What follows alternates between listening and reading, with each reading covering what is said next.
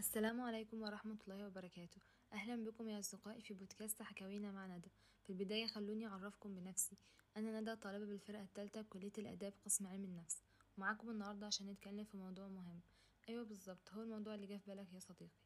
كلنا بنمر بمشاكل نفسية وضغوطات. وأوقات كتير بتحس إنك مخنوق ومتضايق بس مش عارف ليه. وأحيانا بتكون محتاج شخص تتكلم معاه.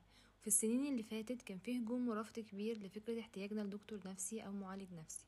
كان البعض بيشوف الموضوع إنه وصمة عار وده خاطئ بالمرة.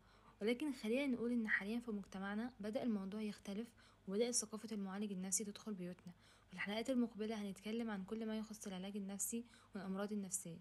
طيب أنا عمالة أقول معالج نفسي ودكتور نفسي. يا ترى في فرق بينهم؟ بكل بساطة يا صديقي الدكتور النفسي هو خريج كلية الطب وتخصص في الطب النفسي ودوره يشخصه ويكتب لك العلاج.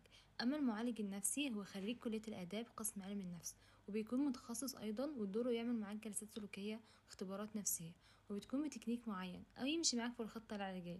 طبعا في حالات كتير بتكون محتاجة معالج نفسي مش دكتور وصفة طبية. وفي حالات أيضا بتكون محتاجة الدكتور والمعالج سوا بيكملوا الخطة العلاجية ببعض. وفي طبعا الأشهر حاليا واللي هو ال life coach وده دوره يحل معاك مفاهيم مغلوطة. حاجة مثلا مش فاهمها غلط هو يوضحها ليك. مش عارف تكبر في شغلك أو تبدأ في مشروعك هو بيفكر معاك. لكن مش بيعالج مرض. ومهم جدا تكون عارف الشخص اللي قدامك دارس إيه. وبكده نكون وصلنا لنهاية حلقتنا النهارده. وزي ما قلت في الأول الحلقات الجاية نتكلم باستفاضة عن كل ما يخص العلاج النفسي والأمراض النفسية. شكرا لوقتك يا صديقي.